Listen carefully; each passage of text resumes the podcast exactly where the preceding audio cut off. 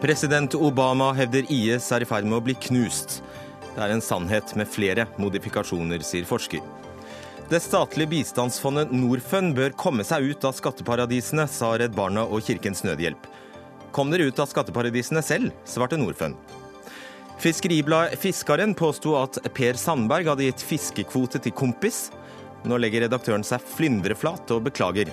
Og det er en øvelse mediene burde gjort langt oftere, hevder forlegger. Vi faktasjekker gårsdagens gjester i Dagsnytt 18. For er den norske kua virkelig mer miljøvennlig enn andre kyr? Og spiser hun nesten bare gress?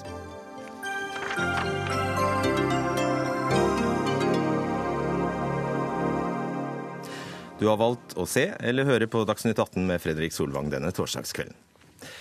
USAs president Barack Obama sa i går at IS snart er utradert. Han kom med uttalelsen etter et møte med CIA-ledelsen og andre sikkerhetstjenestemenn. Og her er noe av det Obama sa om kampen mot IS. The ISIL core in Syria and Iraq continues to shrink. The ranks of fighters are estimated to be at the lowest levels in about two years. Today, on the ground in Syria and in Iraq, ISIL is on the defensive. Our 66 member coalition, including Arab partners, is on the offensive. Cecilie Helstveit, seniorforsker ved International Law and Policy Institute, ILPI. Har den amerikanske presidenten grunnlag for å hevde at IS er sterkt svekket etter Operation Inherent Resolve, som den heter? Ja, eh, nå kommer den første delen av denne operasjonen til en ende, og man går inn i en ny del. Det er noe som klart har blitt kommunisert fra amerikanerne eh, de siste dagene. Da IS etablerte denne staten sin eh, i 2014, så gikk amerikanerne inn med en containment-strategi. Strategien handlet om å hindre at de skulle ta mer territorium, som de da hadde erklært at de skulle ta. Og det har amerikanerne klart. De har klart, sammen med mange andre land, eh, særlig land i regionen, men også europeiske land, å holde det territoriet som IS da tok, relativt stabilt, og hindre at de ekspanderte. Og så har de nå de siste månedene begynt å presse IS tilbake. Så det er riktig at de har klart å holde de eh, territorielt begrenset, og de begynner å gjenerobre land eh, som IS tok, særlig i 2015. Men det er altså slik at en del av de byene som har blitt gjenerobret både på syrisk og irakisk side nå i det siste, det var byer som IS tok i 2015, og altså ikke i 2014, da de på en måte tok veldig stort territorium både i Syria og Irak. Det var et menn der, ja. Henrik Tune, assisterende direktør ved NOPEF, som står for Norsk senter for fredsbygging. Du deler eh, noe av Obamas optimisme, har jeg skjønt?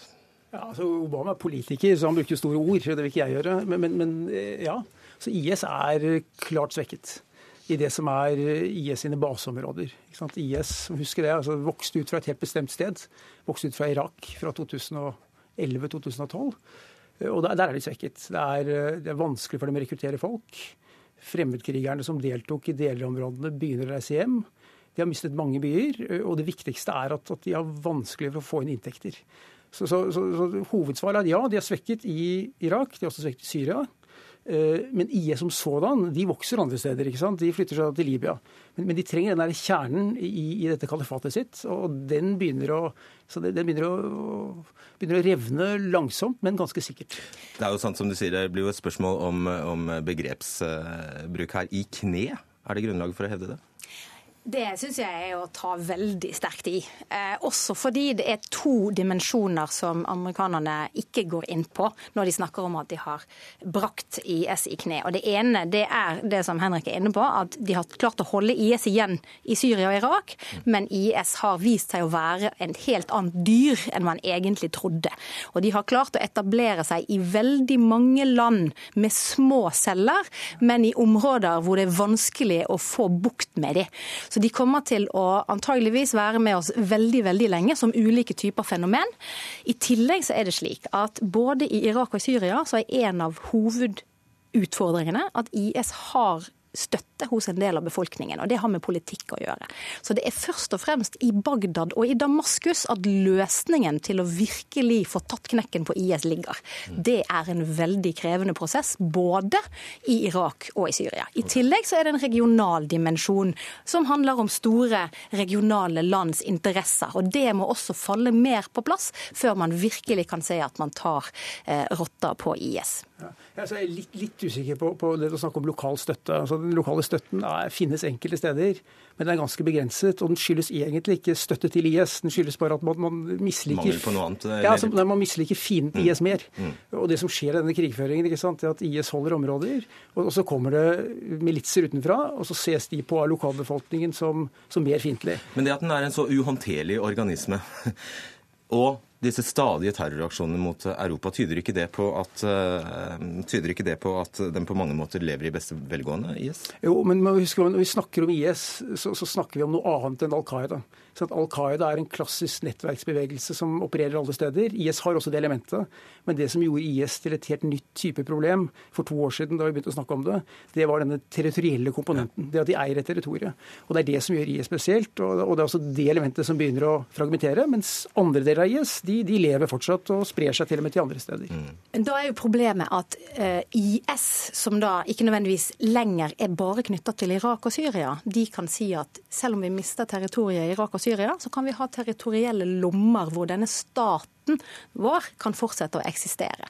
Og Det er jo dette systembaserte eh, ved organisasjonen IS som gjør det så veldig vanskelig å få bukt med, fordi det finnes mange områder i den muslimske verden utkanten av svake stater, hvor det er enkelt for IS nettopp å skaffe seg små eh, territorielle områder hvor de kan på en måte pretendere å ta dette videre. Det vil ikke være det samme som den staten vi har hatt, eh, og som vi fortsatt har i Irak og, og Syria nå, denne her såkalte store eh, statslignende kalifatstørrelsen. Men det vil, vil, være fortsatt deler av det samme. Så, så selv om man får full bukt med IS nå, så vil det ikke være slutten på IS som fenomen. Det er jo riktig, og det, skyldes at IS lever på en dyp sekterisk konflikt som har splittet hele Midtøsten. ikke sant? Som er en Shia-Sunni-konflikt i Irak, og som også er en slags Shia-Sunni-konflikt i Syria. Mm. Eh, men det, men det, som liksom har vært IS sin forse de siste årene, har vært at de har levd på en form for oppholdende bølge. Eh, så de har hatt en form for magnetisme på, på folk ikke sant? i Europa, men også i Midtøsten. Og det man begynner å se hvis man reiser rundt i Midtøsten og snakker med folk, er at den tiltrekningen IS pleide å ha på unge arabere, den begynner å svekkes langsomt. Og det er vesentlig. Men for at man, amerikanerne skal ta dette inn i den neste fasen og virkelig få bukt med eh, disse områdene som IS fortsatt kontrollerer i Irak og Syria, så må de få til en eh, slags diplomatisk løsning både i Syria og en forståelse mellom Iran, Saudi-Arabia og Tyrkia rundt hvordan man skal løse ting på bakken. Og Det er jo litt av det arbeidet som foregår nå, både i Tyrkia og i Genéve. Når Obama da sier som antagelig antagelig enhver amerikansk president eh, ville ha sagt, og kanskje måtte ha sagt, at nøkkelen eh, da er å utradere IS fullt og helt. Skal, skal, man ta ham bokstavelig? Nei. nei altså, han, han, han, sier ikke det fordi han tror at du eller jeg skal tro på det. Han sier det fordi han, han snakker også i et slags propagandalandskap, hvor han prøver å kommunisere at IS er på retrett. Og det er viktig for å stoppe oppslutningen. Men, men det jeg tror Obama skjønner langt der inne, det er det samme som Hellestveit sier. Og det at For å løse problemet i Syria og Irak, så, så, må du løse grunnkonflikten. Eh, og Det tror jeg ikke Obama håper han kan greie i sin periode. Så han har liksom begrenset seg til å greie å få kurven til å begynne å falle. Og det er det han nå demonstrerer når han går ut og bruker store ord. Og i, i, Til dette her med propaganda. Eh, vi har Bushes eh, påstander om masseødeleggelsesvåpen frist i minne, som fikk katastrofale følger. Har det noen Hvis Obama da overdriver, kan det ha noen som helst negative følger? Altså, Jeg tror mye av det som kommer, helt riktig som Tune sier, handler om en, en slags politisk måte å pakke dette inn. Eh, men det er også slik, nå foregår det viktige forhandlinger i Genéve.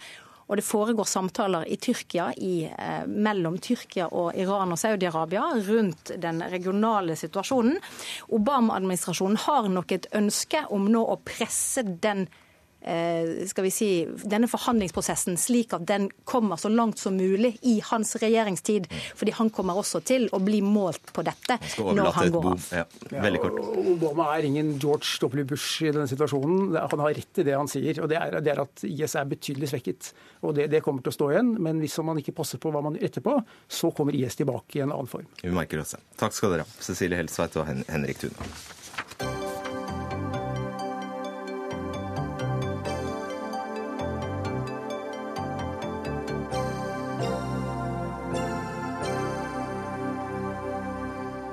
All oppmerksomheten om skatteparadiser, hemmelighold og skatteflukt har eh, ført til mange hevede pekefingre, og nå også mot helt andre enn storbanker, rike forretningsmenn og korrupte statsledere.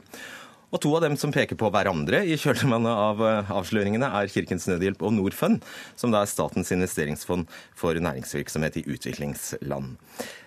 Eh, for gjennom sin kronikk i eh, Dagens Næringsliv beskylder de hverandre for å sine, hver sin kronikk i Dagens Næringsliv beskylder de hverandre for å benytte seg av skatteparadiser. Og Sammen med Redd Barna var dere først ute med beskyldningen mot Norfund. Anne Marie Helland, generalsekretær i Kirkens Nødhjelp. Altså bare for å forklare, Norfund er altså der for å øh, investere i næringsutvikling i fattige land via norske bistandsmidler, og de skal alltid være en mindre part. Eh, dere presiserer at Norfund ikke bryter loven, men hva er det de gjør galt? Først må jeg få lov å si at Vår kronikk handler altså ikke om Norfund. Den handler om skatteparadiser. Og det er skatteparadiser som er problemet her. Fordi ulovlig... Ja, ulovlig kapitalflukt det er del av dette. For ulovlig kapitalflukt raner hvert år fattige land for enorme summer, og den lekkasjen er vi nødt til å stoppe. Ja. Um, Akkurat det er jo alle enige om. Ja, men det, alle er enige om det. og Derfor så mener vi også at mekanismer som f.eks. Norfund må ta klarere avstand for bruken av skatteparadiser. Hva er det de gjør? Ehm, ved at de legger til rette for da eh, et, altså Disse skatteparadisene legger til rette for et systematisk ressursran. Ehm, og det å bruke de strukturene Jeg tror ikke har ingen tvil om at Norfund er en troverdig og seriøs aktør. og Kirkens Nødhjelp støtter absolutt næringsutvikling i sør og har veldig tro på Norfund som eh, utviklingsaktør. Men de systemene de bruker, er pill råtne. Altså skatteparadisene. Eh, disse systemene er pill råtne, og pill råtne systemer må erstattes av noe nytt og bedre. Ok, Jeg prøver med deg, Kjell Roland, administrerende direktør i Norfund. Kan du forklare hva dere nøyaktig gjør? I skatteparadiser, hva i alle dager skal Norfund i skatteparadiser gjøre? Altså, Diskusjonen om skatteparadis er jo veldig komplisert. Eh, nesten alt det Anne Marie sier, er vi helt enig i. Altså Alt det som er galt ja, med, tredje, med, med, med tredjeland som, som uh, lager strukturer som man kan drive skatteunndragelse eller ulovlig virksomhet i. Vi gjør ikke det. Ikke investerer vi i skatteparadis. Det står ikke en krone norske av våre penger i banker i disse landene. Ikke unndrar vi skatt. Ikke er vi opptatt av hvitvasking, selvfølgelig, og ikke av hemmelighold. Vi bruker eh, altså disse tredjelandene, altså det er på en måte noe med kompleksiteten der. Det som er vårt poeng i, i, i den lille kronikken, det er at det vi bruker eh, disse tredjelandene til, eller disse mellomstasjonene, kanskje riktig å si, det er nøyaktig det samme som Eh, Kirkens Nødhjelp gjør. Altså, Kirkens ja, Forklar hva det er, da, så vi forstår altså, hva dere gjør. Eh, man skal drive samarbeid om å gjøre prosjekter i fattige, de fattigste land i verden med mange parter i vår del av verden. Da må man samle sammen disse pengene, bli enige om hvordan eh, disse, disse, tingene skal gjøres, og så går pengene ut. Eh, disse tredjelandene, For vår del er det Mauritius som er det viktigste, fordi Mauritius er kilden, eller porten inn til østlig og sørlig Afrika. Eh, for, for, for Kirkens Nødhjelp så er det Sveits. Begge er, har veldig like, er mye likt med dem. De to, to, av de mest vellykkede landene i sine regioner, med ganske diversifiserte, brede, brede økonomier. Mauritius har lykkes med eh, stor landbrukseksport til ja, Europa. Men, eh, og, og Cayman Island bruker dere også, men jeg har jo ikke fått grep om dere, hvorfor dere må, pengene må innom disse skatteparadisene. Kan du ikke bare forklare det? Jo, fordi at eh, når vi skal inn i f.eks. i Burundi eller Mosambik, så er det land eh, som har veldig svake juridiske eh, rammebetingelser slik at usikkerheten om hvordan man skal håndtere særlig relasjonen mellom investeringspartnerne, Altså, Hvis vi må eh, Ofte hender det blir uenige med de vi investerer sammen med. Da må vi eh, gjøre det i en juri, jurisdiksjon der vi kan føre en rettssak mm. som er rimelig forutsigbar. De har lover og de har ordnede forhold lover, på disse øyene der. De er for, altså Akkurat som Sveits. Altså, og, og, som oss så vil jo eh, når Kirkens Nødhjelp neste gang skal gjøre et prosjekt f.eks. i Kongo, så vil de ikke invitere sine partnere til å sette opp en bankkonto i Kongo alle, alle, sender pengene til Kongo. Når man har sendt pengene ned der, så skal man fra Kongo, okay. så, så skal man fra Kongo kjøpe inn telt og utstyr fra andre land. Eh, I slike innkjøpsprosedyrer så hender det at man blir uenig. Føre rettssak i Kongo om det, det tror jeg ikke Redd Barna eller Kirkens Nødhjelp vil ønske å gjøre. Hva er problemet med det Roland har beskrevet her? Ja. Punkt én, Det er en vesensforskjell mellom de strukturene vi har i Genéve Vi tar dere etterpå. Ja, men, Bare fortell men, hva som er galt med, ja, for, med det. Men det er, det, det, det er, dette som er galt med det. Fordi at de strukturene som vi altså Kirkens Nødhjelp forholder seg til Kirkenes verdensråd og ACT-alliansen i Genéve. De er ikke et tredjeland for oss. Dette er den operasjonelle virksomheten med ekte mennesker. Jeg prøver å si vi tar dere etterpå. Ja, kan du ikke bare jeg, si hva som ikke, ikke ja, Jo, men jeg svarer på det. Det er det jeg driver med nå. Okay. Jeg, um, det er et operasjonelt land for oss hvor vi har reell virksomhet med reelle ansatte som betaler reell skatt. Kirkenes verdensråd er ikke satt opp som en struktur for å fasilitere skatteunndragelse og hemmelighold.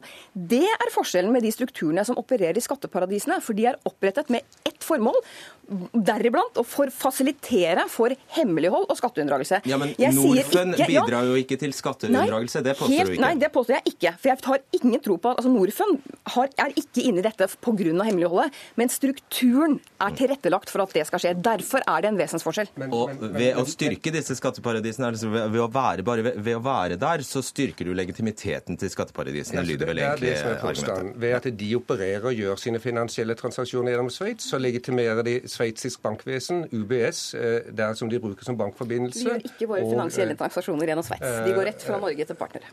Eh, og på tilsvarende måte som vi bruker helt legitime transaksjoner som er helt gjennomsiktige. Det finnes, vi kjenner, for, for eksempel så kommer det stadig opp en påstand om at vi ikke vet, fordi at vi investerer gjennom f.eks. Mauritius, så vet vi ikke hvem vi investerer sammen med. Vi vet absolutt nøyaktig alle vi eh, investerer sammen med. Vi kjenner alle transaksjoner som går gjennom våre strukturer.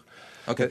Lyst, altså, du, du, viser til at dere trenger disse skatteparadisene fordi de har eh, et rammeverk og et lovverk, og det er, eh, det er stabile forhold der. Hva med Sør-Afrika, f.eks.? Hvis dere skal kanalisere penger til Burundi, kunne dere ikke ha gått via demokratiet Sør-Afrika?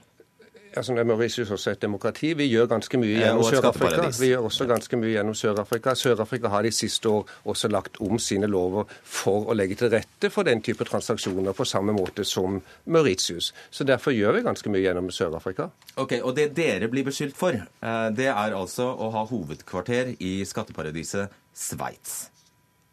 Nei, nei, nei, ikke fra hovedkvarteret. Fordi at de håndterer altså Deres samarbeidspartnere har bankforbindelse, gjør alle de samme transaksjonene gjennom Sveits som vi, som vi gjør. Ikke det. sjøl, men gjennom deres. Gjennom men, men poenget, vår, poenget, er jo at de, de, du kan bare på ramme alvor ikke mene Kjell Roland, at skatteparadisene er et nødvendig onde. Må, altså Skatteparadiser er et etisk problem globalt i dag. Det må vi se. Altså når vi ser Panama Leaks, som kommer ut nå, ja, men, og ser hvordan tror... det ressursranet tilrettelegges men, i skatteparadiser men, dette er vi veldig enige om. Ja, men, da må vi som utviklingsaktører Sveits er et skatteparadis. Vi som Sveits er et skatteparadis. Vi som utviklingsaktører Sveits er et skatteparadis? Det er det helt sikkert. Det er helt åpen, åpenbart er det det. Men forskjellen er at de strukturene vi jobber gjennom, er ikke satt opp. Det, dine strukturer, Kjell, er satt opp for at de skal tilrettelegge for skatteunndragelse. Det er de skatteparadisenes funksjon. For det betimelige spørsmålet her er hvorfor kunne man ikke satt opp tilsvarende eh, strukturer andre steder? Hvorfor har så veldig som, mange bankboks i Sveits, da? Hvis ikke det gjelder det samme for Sveits som for Cayman Island? Genève er verdens humanitære hovedstad. Det er der FN er etablert, det er der Røde Kors er etablert. De ble ikke etablert okay. pga. skatteunndragelse. Nei, jeg, jeg, jeg, lurer på om Jeg lurer på hvor mange som hang med nå. men altså, okay. Hvis jeg bare får si, ja, altså, Problemet med, med skatte, altså det, diskusjonen om skatteparadis er jo at det er så komplisert, disse ja. strukturene. Det uh, og uh, det er 70 land i verden som er slike såkalte tredjeland. Ganske mange av dem har lovverk som gjør at det er mulig å skjule inntekter og gjøre ulovlige ting. Om de tingene som er hovedproblemet, der OECD de siste årene har gjort store fremskritt i åpenhet, Der er vi helt enige. Ok, vi er på overtid. At, at, eh, at, eh, det er behov for tredjeland til å håndtere mange finansielle transaksjoner i verden, det vil det være etter vi har løst alle problemene med skatteparadis og Men vi må ha nye strukturer. Vi kan ikke fortsette å forsvare skatteparadiser. Og vi som utviklingsaktører er nødt til å holde politikerne ansvarlig for å lage nye lover og regler. Tusen takk, Kjell Roland og Anne Marie Helland.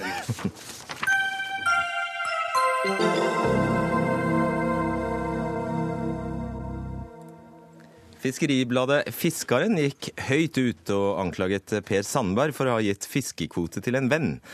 En drøm av et journalistisk skup, om det hadde vært sant.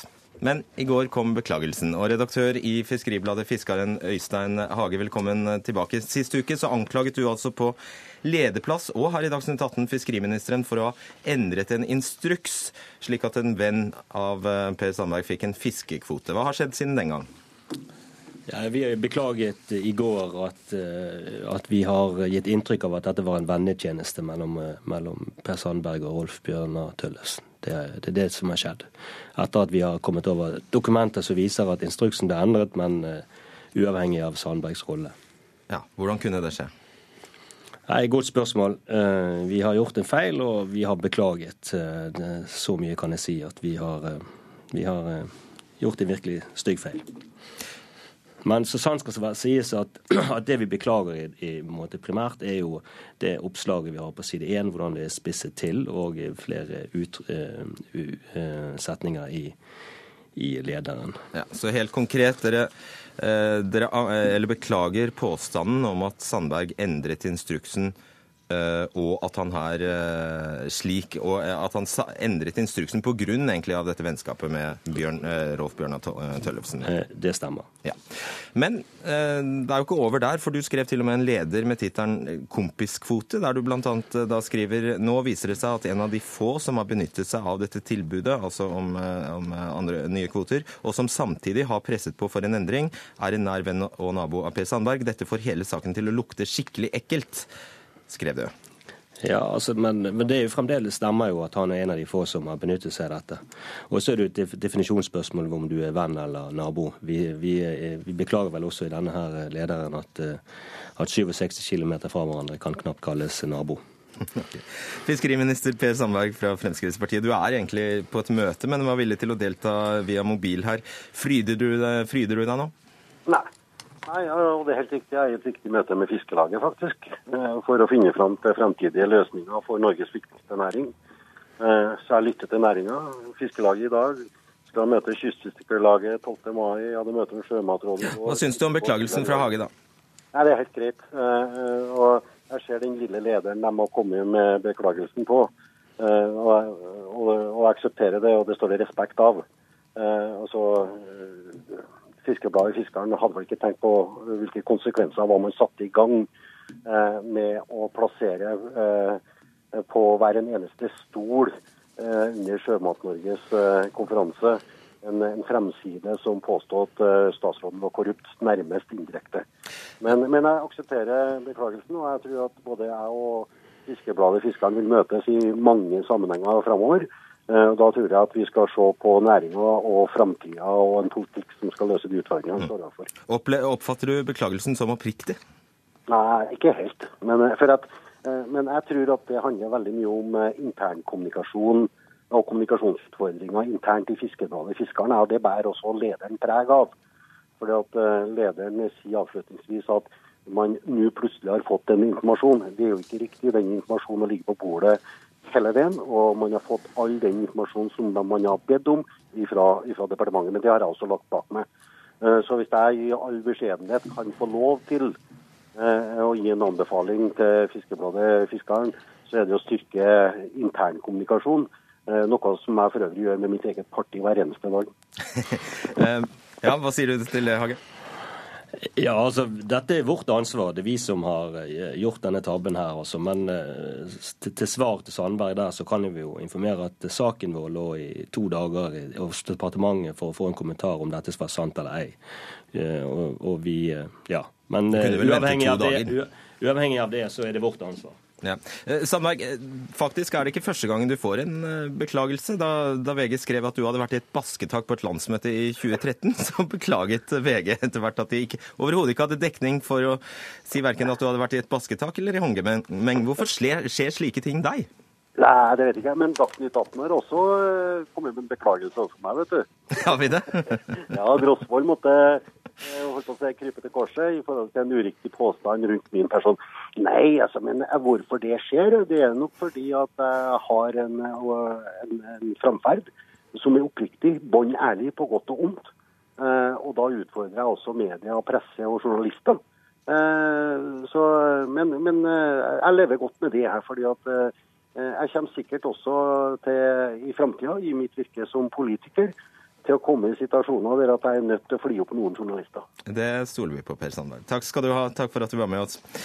Anders Cappelen, du er forlegger, men du har også ført et trettitalls klagesaker for Pressens faglige utvalg, PFU. Er denne saken unik? Ganske unik. Det har lenge også fra pressehold vært sagt at det er svært, svært vanskelig å få journalister og redaktører til å innrømme feil og til å beklage feil. Slik at jeg vil si den saken her er spesiell. Det er mulig at dette er tegn på at norsk presse blir flinkere til det. Men hvis vi ser de siste 10-15 årene, så er det et, et, gjennomgående trekk at det er svært vanskelig å få pressen til å innrømme feil. Hva er det som typisk skjer da? De undersøkelsene som er gjort på dette her, viser at de som henvender seg til redaksjonen, blir møtt med en ganske kald skulder og sånn ja, dette skal vi ta opp, og så hører de ikke noe mer. Um, det som skjer hvis man klager til PFU, så er jo redaksjonen oppfordret til å prøve å finne en minnelig løsning. Men i alle de sakene jeg har ført, så har det bare vært ett eneste tilfelle hvor det var en reell interesse for å prøve å finne en minnelig løsning. Så mitt inntrykk er at man heller vil ha en PFU-fellelse enn å innrømme en feil på egen redaksjonell plass. Og stolthet av ære.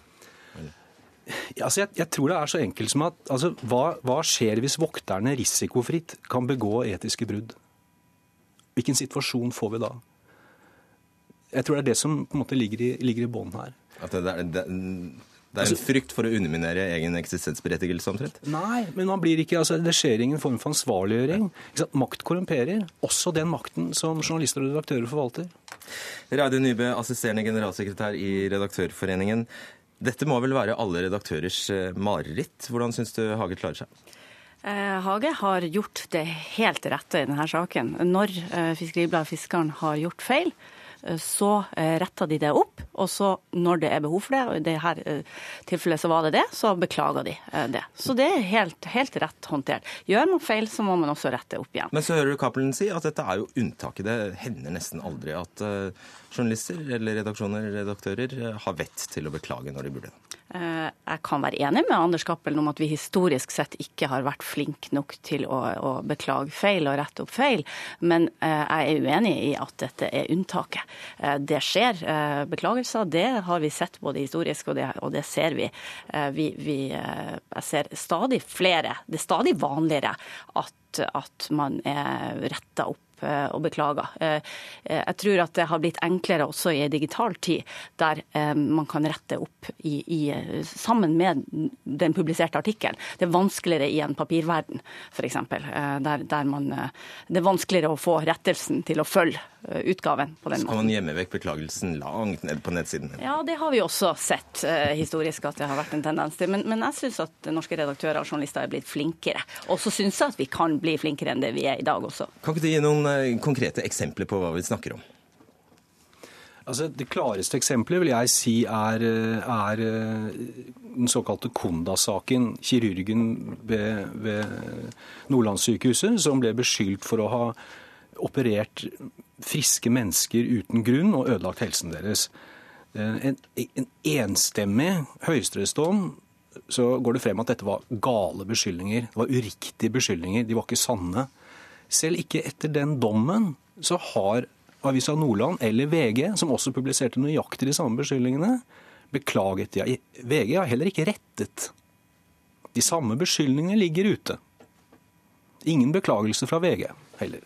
Ja, Nå er jo ikke VG her, men hadde de, altså, må de det? Altså Det står jo, det er faktisk et eget punkt i Vær varsom-plakaten, nærmere bestemt 413, som heter at faktiske feil skal rettes og beklages snarest mulig. Det er vel en av de reglene i plakaten. En av og det er mange. altså den plakaten som journalister eh, må forholde seg til så- for å som- ikke bygge begå som- etisk overtramp. Ja, som så å si ikke blir overholdt. Det er nesten ingen, det er svært få fellende uttalelser. 2,3 saker gjennomsnittlig de ti siste årene. Hva tror du, Nybø, hvis du skulle være litt selvransakende, hva er grunnen til at det sitter så langt inne å beklage? Altså, jeg tror at, at vi, må, vi må skille mellom saker der det er gjort faktiske feil, og, og der man, sånn som med Fiskeribladet Fiskeren her, at man får opplysninger som viser at det de skrev opprinnelig var, var feil. Og så har du saker der, det- der det er gjort kan være, Man kan innse at det er gjort feilvurderinger underveis, og det kan diskuteres.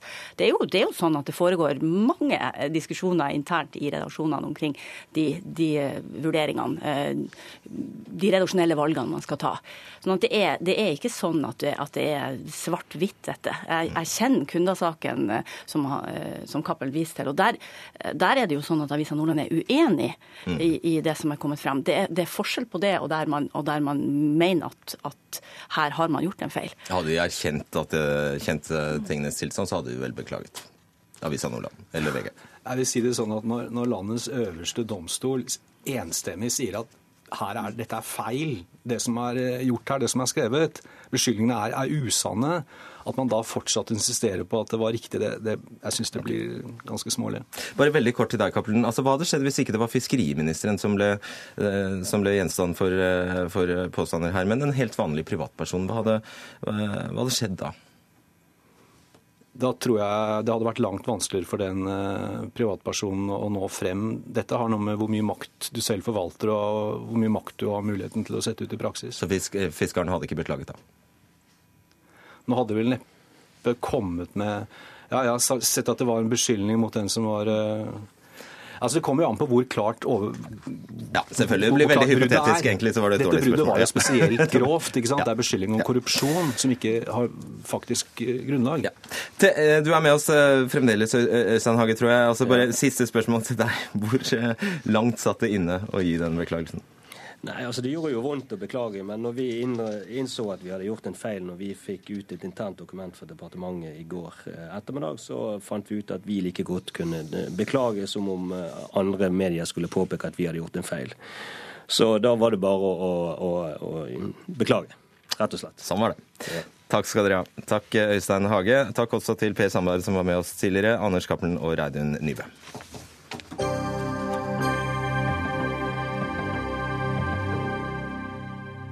Nå er strømmen så billig at eh, vannkraftbransjen sliter.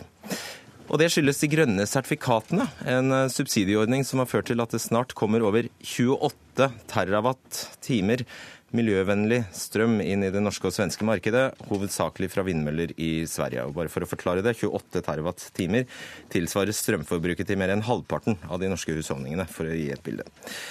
Eh, Men med så mye vindkraft inn i markedet, så har prisene blitt presset kraftig nedover, og vannkraftbransjen sliter da med mye dårligere lønnsomhet. Velkommen til deg, Kjetil Lund, direktør for myndighetskontakt og klimapolitikk i Statkraft. Og du tar i Dagens Næringsliv i dag til orde for å avvikle denne ordningen med grønne sertifikater. Hvorfor det?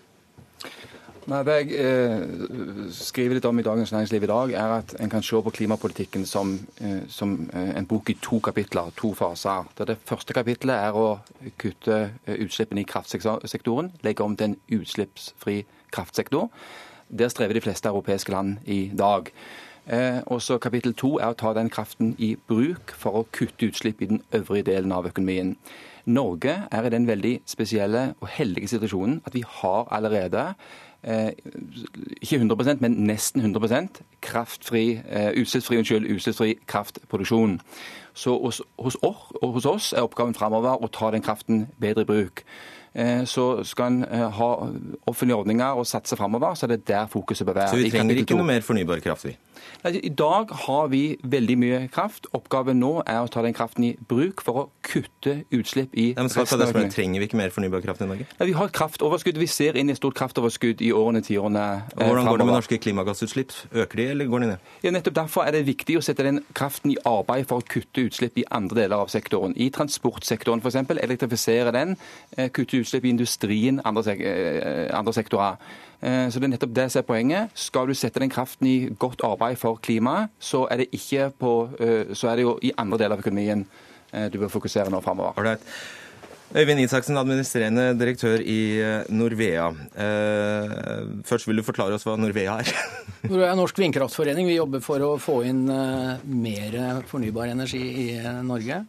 Om det er vindkraft eller vannkraft, may the best man win. Bare det er fornybart. Og du vil altså beholde disse subsidiene, det er ganske logisk? Ja, vi vil i hvert fall ha en om, om subsidiene skal se ut som det gjør i dag, det vet jeg ikke, men vi må ha sterke mål fra den norske regjeringen om hva vi skal gjøre videre. Eh, som det er nå, har det fungert med subsidieordninger. Og det som har vært fint med det, er at det er de beste prosjektene som blir bygd.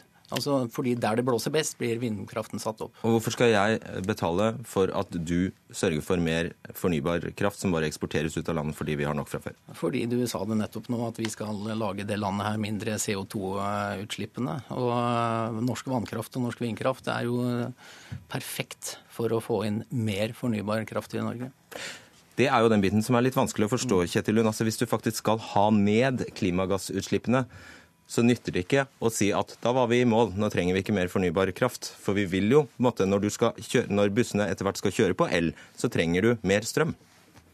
Riktig, men, men, men eh, og det er derfor jeg sier at innsatsen nå, politikkinnsatsen i årene framover bør settes inn i akkurat den biten der. Hvordan tar vi den kraften som vi har? Vi har rikelig med ja, Men da forsvinner jo overskuddet. Nei, ja, ja men liksom, Da setter vi det i arbeid for å avkarbonisere, kutte utslipp, elektrifisere transportsektoren, industrisektoren og andre sektorer. Så det er det som er mitt poeng. Vi er på ingen måte ferdig med klimajobben. Vi er på ingen måte ferdig med å avkarbonisere norsk økonomi. Men vi er ferdig med kapittel 1. Vi er ferdig med å avkarbonisere Eh, kraftsektoren. Eh, jobben for, eh, som ligger framfor oss i Norge, er å ta den kraften i bruk for å kutte utslipp nettopp i alle andre deler av økonomien. Bare la oss sjekke dette med kapittel 1 og kapittel 2, Isaksen. Er du enig i hvordan måten han skriver kapittel 1 på? Er, vi, er det sånn at all norsk industri er avkarbonisert? Sånn Nei, det er den ikke. Men vi har vært veldig dyktige til Er den ikke det? Norsk industri. Ja. Den norske forbruket er ikke avkarbonisert, men den norske industrien er mer eller mindre avkarbonisert. Og Hva skjer hvis du inkluderer olje- og gassektoren? Nei, Da er vi nok rimelig slemme, for å si det sånn. Men det, norsk olje og gass blir jo litt snillere om vi lar den gå på landstrøm, for å si det sånn. Men jeg tror vi skal altså se på en annen ting her, og det er det at uh, Statkraft har vært fantastisk dyktige. De har tross alt nå i gang, eh, setter i gang nå det største nei, vindkraftsystemet i Europa. De har vært eh, dyktige, så han, han, kan få veldig skryt for den Fosen-utbyggingen som blir nå. Men vi skal ikke glemme, vi skal fjerne elproduksjon som det ryker av, eller som er som stråler.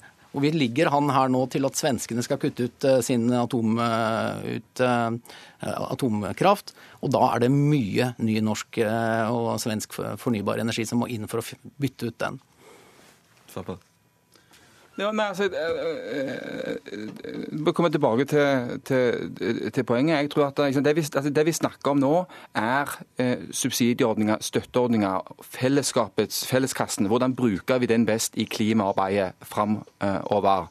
Eh, og da, da eh, mener jeg at den, altså, den, beste anvendelsen av offentlige midler framover, det er heller å, å elektrifisere og avkarbonisere, kutte utslipp i andre deler, f.eks. i transportsektoren. Men Er det virkelig de offentlige finansene du er bekymret for, eller er du kanskje mest bekymret for at strømprisen faller såpass kraftig at du får mindre inntekter? Nei, Jeg er ikke, er ikke så bekymra for norske offentlige finanser, men jeg syns ikke det er noen vits i å bruke pengene eh, feil. Eh, og, eh, og, jeg tror at eh, Ingen er tjent med en kraftpris som er så låg over tid eh, at vi ikke har en lønnsom fornybar næring i Norge. Vi som har så gode forutsetninger fra naturens side til å ha en lønnsom fornybar næring, vi bør ikke innrette oss slik at vi ikke har, eh, eh, har det.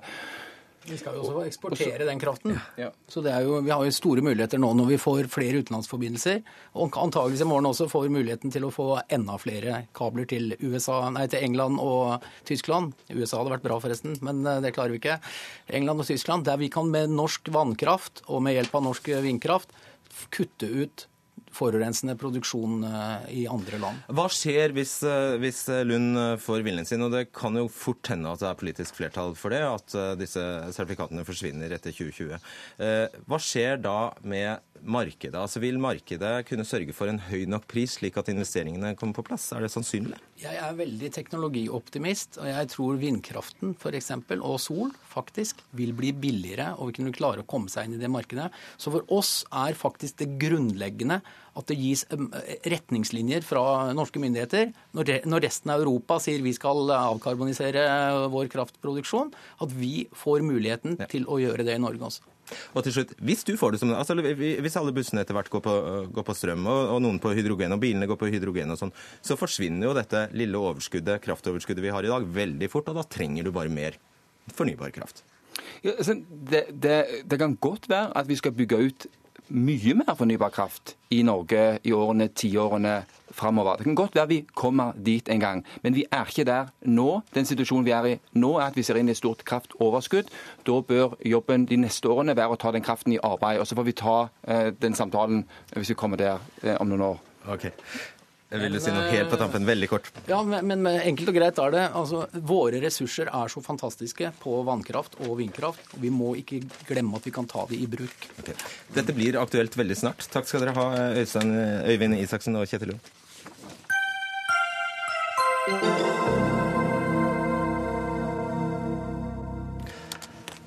Nå skal vi gjøre noe vi altfor sjelden gjør her i Dagsnytt 18, nemlig sjekke om det debattantene våre sier er sant. I går hadde vi en debatt mellom Arild Hermstad i Framtiden i våre hender og Kjell Rakkenes i Nortura. De debatterte Norturas planer om å øke produksjonen av ammekyr kraftig de neste årene. Og Vi skal høre et lite utdrag av debatten. Vi hører først Rakkenes i Nortura. FN-statistikker viser veldig tydelig at det norske kjøttet slipper ut mindre CO2-gasser enn det, det utenlandske. Ganske mye endog. Vi importerer mesteparten av kjøttet fra Tyskland, eh, og der er det faktisk lavere utslipp. Ammekyrne, som dette heter, og dette er et, et faktum, de spiser minimum 90% gress. Norsk gress. Norsk gress, disse kyrne her. De spiser minimum 90% gress, ammekyrne. Det er et faktum. Det er, det er, helt absurd, denne diskusjonen knytta til klima, at et kortreist, norskprodusert kjøtt skal forurense mindre, mer, enn eh, eksoskjøtt fra Argentina eller fra Tyskland eller fra Spania. Det, det er tullete. Men, men, jeg syns du skal ta den debatten med Nibio, og så syns jeg kanskje at landbruket og Natura bør ha et godt tallgrunnlag når man diskuterer disse tingene. For når du sitter og påstår 90% så er det Det stemmer ikke med de tallene som gjelder for norsk eh, Nei, nå har han sagt det, så kan vi sjekke det. Det syns jeg vi skal gjøre. ja. dette kan vi helt fint sjekke. Ja, og det er det vi skal.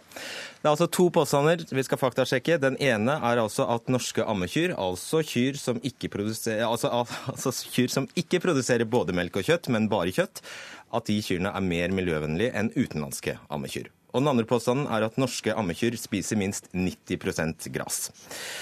Odd Magne Harstad, du er professor i husdyr- og um, akvakulturvitenskap ved Norges miljø- og biovitenskapelige universitet. Hva vet vi om klimagassutslippene til norske ammekyr sammenlignet med utenlandske?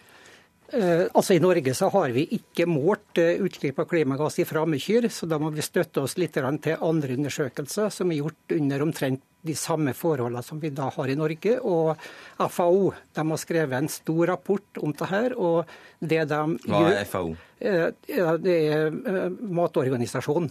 Til FN? Ja, landbruksorgan, ja, landbruks- og matorganisasjonen til, til FN. Ja, hva sto det i den ja, eh, Det de har gjort når det gjelder storfekjøttproduksjon, det er at de har delt verden inn i regioner. Og da har de én region de kaller for Vest-Europa. Og jeg ser ingen grunn til at produksjonen i Norge skal avvike noe vesentlig fra gjennomsnittet i Vest-Europa. Og Det som da her er viktig, det er at eh, Vest-Europa eh, skiller seg skal vi si, positivt ut i forhold til en del andre regioner, som da har et vesentlig høyere utslipp. Mm. Så når eh, Kjell Raknes i Notura sier at norske ammekyr, eller norske kyr slipper ut langt, langt, langt mindre CO2 enn utenlandske kyr, så det som han da bygger sin påstand på, det er vel at han har tatt utgangspunkt i importstatistikken av kjøtt, av storfekjøtt. Og da er det klart at en del av de landene som Og Da snakker vi om Namibia, og New Zealand og Argentina? Ja, kanskje ikke New Zealand så mye, men i Afrika og delvis i Latin-Amerika så er det høye utslipp.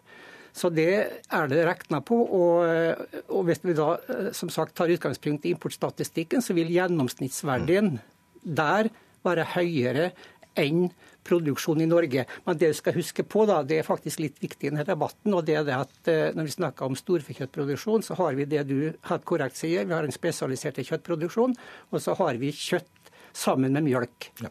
Og I Norge så er det da sånn faktisk at uh, over 70% av storfekjøttet det kommer fra den kombinerte produksjonen. De som både melker og gir oss kjøtt. Riktig, og som ja. da har et lavere utslipp av klimagasser. Ok, så bare For å oppsummere den uh, biten der. Arild Hermstad tar feil når han hevder at tyske ammekyr er mye mer miljøvennlige enn norske. Det har vi ikke grunnlag for å si. Nei, altså det må han da dokumentere. Som mm. sagt, det er ikke gjort Eh, målinger på dette her i Norge. Det er gjort en del beregninger, men da spørs det hvilke forutsetninger som er lagt til grunn i de beregningene. Men Kjell Rakkenes er helt på jordet når han sier at utenlandske ammekyr slipper ut veldig veldig, veldig mye mer eh, CO2 enn norske? Han kan ikke være så generell. Eh, det han da må si, det er at en del av de landene som vi importerer storfekjøtt ifra, har et høyere utslipp. Og så er det enkelte land, f.eks. Tyskland, som er regna med er ca. på samme nivå som Norge. Ja. Og så til det kua spiser. Stemmer det at eh, Eller hva spiser den norske ammekua? Ja, eh, da er det sånn, bare for å si det innledningsvis, at vi har ikke noe god eh, statistikk. altså Vi har ikke noe godt fòrregnskap når det gjelder ammeku. Det har vi ikke, men det jeg studerte litt nærmere i dag, og det er veldig stor variasjon. Så du kan se de flinkeste i klassen, der er det 95 eh, grovfòr. Men gjennomsnittet det er høyere. Det ligger kanskje på en 11-12-13 13-14 litt avhengig av hvilken rase og sånne ting vi, vi snakker om. Og da snakker du om kraftfôr når du da, sier 12-13-14-15 Da er det kraftfôr, riktig. Okay, så ja. det, ja. Men en, en, ting til som kanskje har forvirra litt her, for det at eh, hvis vi ser på norsk fôrandel, og da summerer vi altså eh, grovfôret og den delen av kraftfôret som vi produserer i Norge, for det er tross alt en god del av kraftfôret vi, vi produserer selv, mm. da er faktisk det det snakk om 95% Så det er 5% som er importert. Så her har Nortura rett. Han sier minst 90 eh, norsk gress. Norsk, ikke bare norsk gress, det er norsk gress pluss norsk kraftfôr. Ja, ok. Norske ja, ressurser. Ja. Og framtiden i våre hender tar feil? De tar feil uh, i forhold til det, ja. Ok. Kjell Raknes, konserndirektør for kommunikasjon og mattrygghet i Nortura, med oss på telefon. Bøyer du deg for denne dommen? Ja, absolutt. Det gikk nok ei kule varmt i går uh, når, det, når, vi, vi, vi snakka om tall, og det beklager jeg jo uh, selvfølgelig. Eh, man skal ikke, man skal ikke tulle med tall når det gjelder, når det gjelder klima. Men eh, når det gjelder kjøttproduksjon, så er det en ambisjon, og det blir nok stadig en sterkere og viktigere ambisjon for kjøttprodusenter å tilby et såkalt grasfòralternativ i, i framtida. Okay. Ja. Uh, og, og, og, det siste er jo på en måte at, at jeg tror, uansett om, om klimaprofilen for en norsk og tysk ku er omtrent lik, så tror jeg de fleste vil forstå at ei ku som er vokst opp i nabolaget ditt, er bedre enn ei ku som er vokst opp i Tyskland. Takk skal du ha, Kjell Raknes. Arild Hermstad, leder i Framtiden i våre hender, du er også med oss. Du tok rett og slett veldig feil når det gjelder maten til ammekua, du.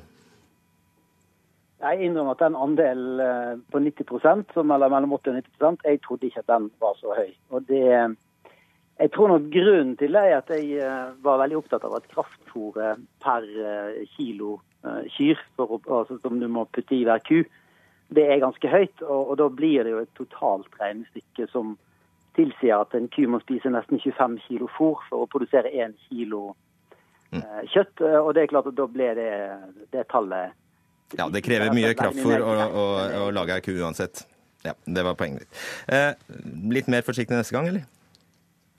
Definitivt. Og jeg er veldig glad for at vi har en sånn debatt. For jeg tror det er veldig viktig at vi snakker om de samme tallene når vi diskuterer landbrukspolitikk. Takk skal du ha, Arild Hansa. Siste spørsmål til deg, Harstad. Hender det ofte når du sitter og ser eller hører debatter at du tenker her var det mye feil? Altså Når det gjelder klimagasser fra biologiske produksjoner, så er det veldig komplisert. Og det er fort gjort å trå feil, og det skjer selvfølgelig også i eh, sånne debatter. Og det som kanskje er den største feilen, det er at når vi sammenligner tall, så er vi ikke flinke nok til å bruke resultatet fra undersøkelser som kan sammenlignes, for det kan legges vidt forskjellige ting inn i de tallene vi kommer fram til. Så det er nettopp det er den største feilen som blir gjort i klimagassdebatten. Takk for hjelpen.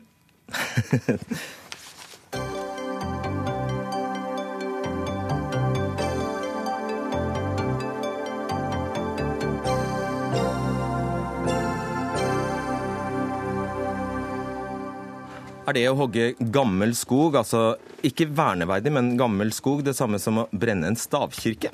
Ja, det mener WWF Norge når de snakker om hogst i en del av den mange hundre år gamle Nordskogen.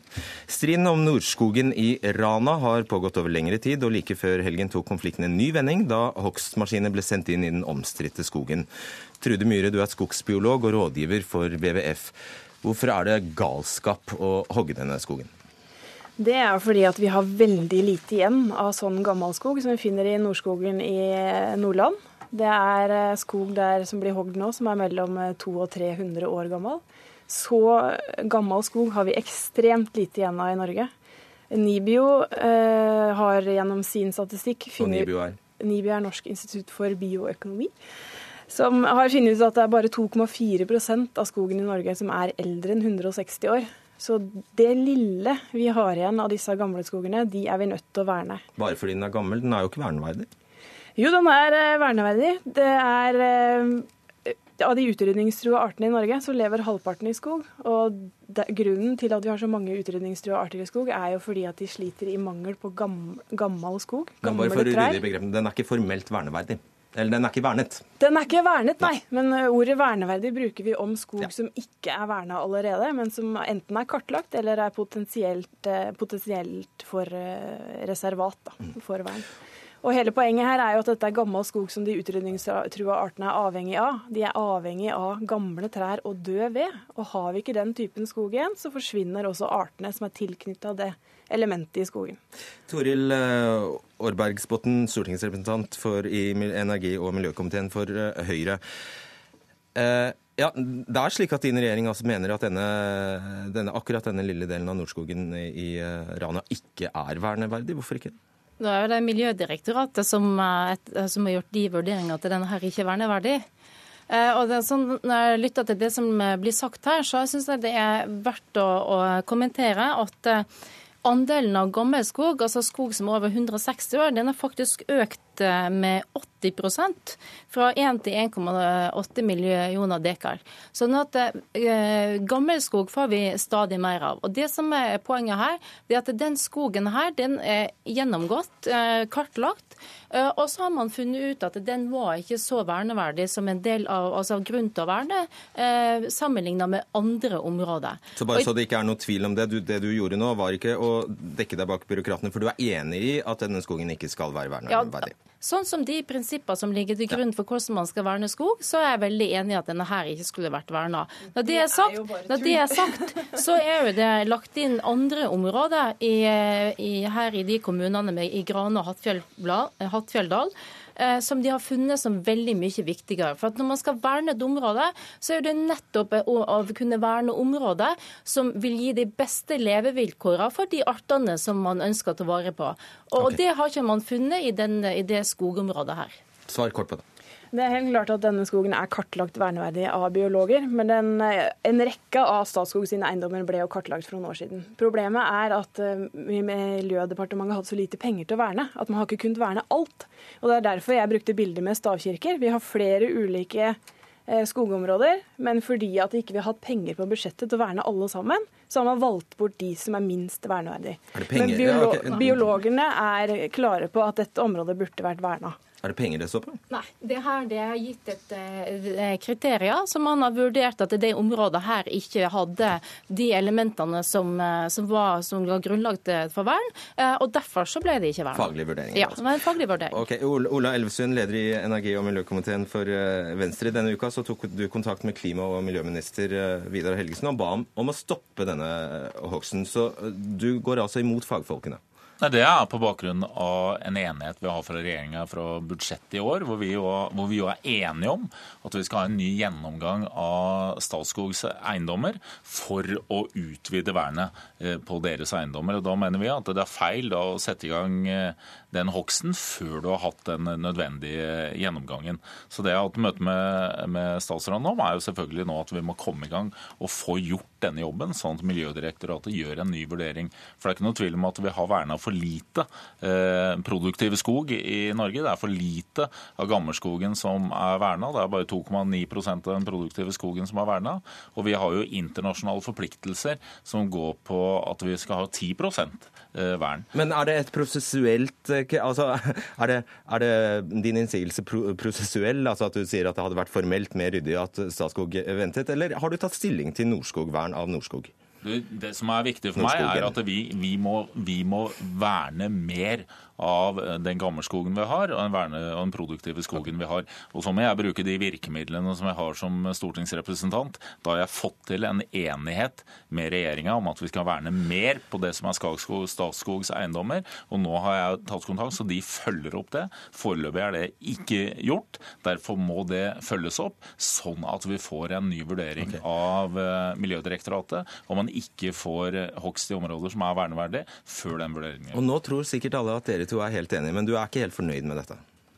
Nei, Jeg vil jo egentlig ha en fortgang i dette her så snart som mulig. For denne enigheten i budsjettet kom jo rett før jul. Og jeg tenker at eh, fra jul og til april så er det fire måneder som jeg tenker at eh, myndighetene burde hatt dette klart. Og Elvestuen kunne ha gjort mer, eller?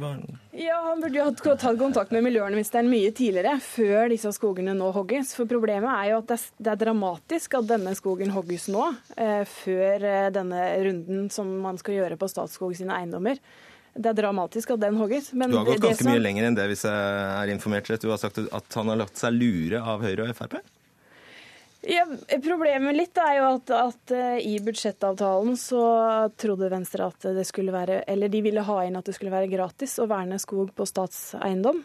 Det er jo ganske paradoksalt at eh, Miljødepartementet med veldig lite penger på budsjettet må betale Statskog, som ligger under Landbruksdepartementet. Så egentlig så er det jo Miljødepartementet bruker masse penger på å betale Landbruksdepartementet hvert år. Var du så naiv? Hele, nei, har, jeg vil si at vi har en halv seier. Vi har både lagt inn mer penger på skogvern, det er 73 millioner som er økt på det, så det er jo økt inn i år. Så er det helt riktig at vi mener at det er unødvendig av staten å betale seg sjøl inn til Statskog, eh, sånn at de pengene som ligger der, de kan brukes til private. Mm. Der har vi fortsatt en uenighet med regjeringa, så det vil bli tatt opp igjen på nytt i framtiden framtidige budsjettforhandlinger. Det som er viktig nå, er jo at det første del av den prosessen som vi er enige om, eh, gir en effekt, nemlig at Miljødirektoratet må gjennomgå Statskogs eiendommer på nytt. Og dette er jo ikke noe, Det har de jo gjort før. De har god oversikt over den verdeverdige skogen. At dette skjer nå. Og Det ligger et annet paradoks eller, eller, en konflikt her, Årbergsbotn, eh, nettopp i det at eh, mens da staten hogger sin egen verneverdige skog, så pålegger man private, eller man eh, formoder, forventer at private grunner over hele landet skal stille opp med skog til vern frivillig. Ja, jeg ser ikke paradoks i det her i hele tatt. Jeg synes det, altså Fra, fra Høyres ståsted så er det veldig veldig bra at vi faktisk har et overskudd nå. Altså Det er mange flere enn det som egentlig blir verna, som melder inn skog som de ønsker eh, å ha et frivillig vern på. Og Det var jo nettopp da Lars Bonheim var landbruksminister. Eh, det, det, Sist gang Høyre var i regjering sammen, da sammen med Venstre, eh, at vi fikk til eh, det her. Eh, og og Jeg klarer ikke å se den konflikten. Dette er 10% av en liten, egentlig ganske liten skogeiendom, hvis du ser det i den store sammenhengen. Vi er enige om at vi, som det var i budsjettforliket Hvis det var akkurat der det bodde en helt sjelden ugle, eller eh, det, det, er gjennomgått, og det vet vi at det, det, sånn, det er faktisk ikke eh, tilfellet. Fordi at man har gjort vurderinger at skog i, i, samme område, altså andre skogeiendommer i samme område, er mye mer verneverdig enn eh, den her. Eh, og det å kunne stoppe, altså det som er kanskje Den store utfordringen for skognæringa i dag, er jo nettopp det at man ikke tar ut nok skog. Altså at vi må kunne pleie og drive skogen mye bedre. Okay. Og det gir òg grunnlag for si, de artene som skal være der, og gi et bedre livsgrunnlag for de. Ok, Nå pusta du tungt, Miriam. det gjorde jeg. Eh, Norge er så kjent som regn, skogvernmesteren eh, i verden gjennom regnskogsmilliardene. Og jeg tror at utlandet ville steila hvis de visste at her hjemme så hogger staten sin egen skog, og også skog som er verneverdig og helt klart burde vært verna som naturreservat. Og det, Problemet med de undersøkelsene som har vært gjort tidligere på Statskog sine eiendommer, er jo at man har vært hatt veldig kort tid til å undersøke dem. Så jeg er helt sikker på at det er mange flere arter og utrydningstrua arter i disse skogene enn det vi vet om.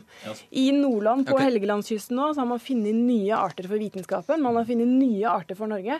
Her oppe er det et eldorado av naturmangfold og unike skoger i global sammenheng. Så det å hogge og rasere disse skogene, det er veldig dramatisk. Så må vi klare å utnytte skogen bedre, for det trenger vi. Det er også en del av, ja. miljøpolitikken. Samtidig som vi ivaretar mye mer av den gamle skogen som vi har, og den verneverdige skogen som vi har. Og så må vi vi avslutte, for nå er sendinga over. Ansvarlig for den var Ida Tune Øresland, teknisk ansvarlig Finn Lie, i studio Fredrik Solvang.